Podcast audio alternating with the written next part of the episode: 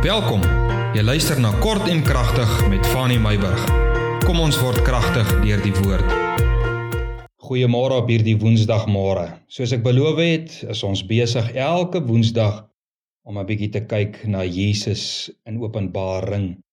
En my tema is elke Woensdag Jesus openbaar. En vandag wil ek met jou gesels oor Jesus as die owerste oor die konings van die aarde. Dit lees ons weer eens Openbaring 1 vers 4 tot 5 en daar praat hy weer eens spesifiek Jesus Christus die owerste oor die konings van die aarde. En ons lees van hierdie selfde begrip, hierdie selfde benaming in Openbaring 17 vers 14, Openbaring 19 vers 11 tot 16. Gaan lees dit 'n bietjie kosbaar. Engels vir hierdie owerste beteken tog ook heerser. En daarmee saam wil ek eintlik 'n vraag vra. As ek sou sê koning, wat kom in jou gedagtes op?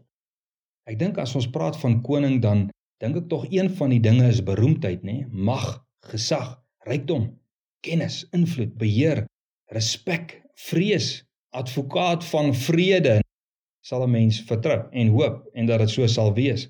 So wat sal dit beteken as Jesus Christus dan die owerste oor die konings van die aarde is?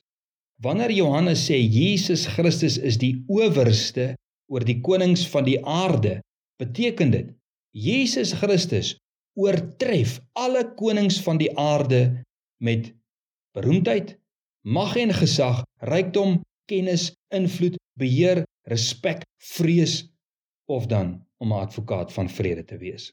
Jesus Christus oortref alle konings van die aarde. Geen koning sterker Geen koning is groter, geen koning is beter in naam en aansien of krag as Jesus Christus nie.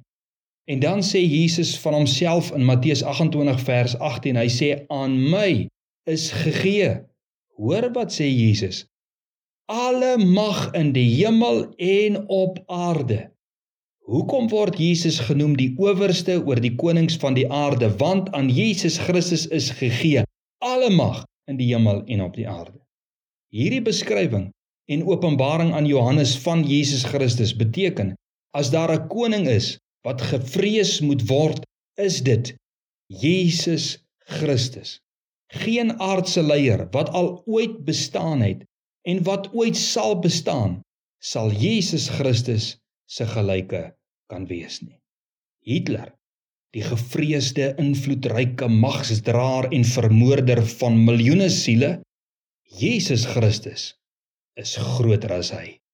Nebukadneser se koningskap Caesar se leierskap Mandela se revolusie die Dalai Lama se geestelike vredespassie die wysheid en planne en invloed van Putin en Biden die ongenaakbaarheid van die islamitiese leiers en Bill Gates se rykdom niks kan kers vashou met die owerste van die koning die koning van die konings Jesus Christus nie.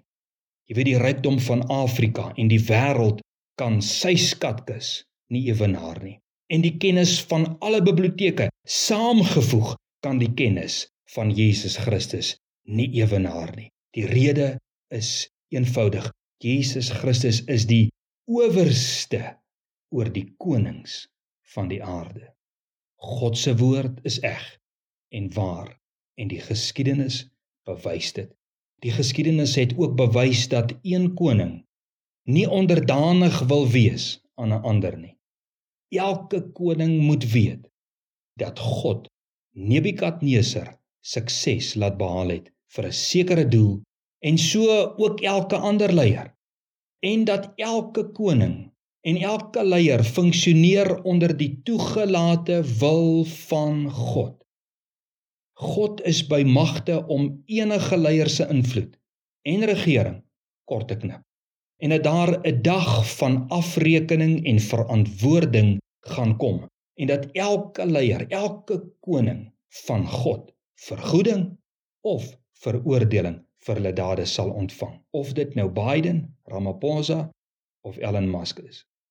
Elke leier moet weet dat daar 'n dag bepaal is waar elke een sy of haar kroon moet neerlê voor die owerste van die konings, die koning van die konings, Jesus Christus.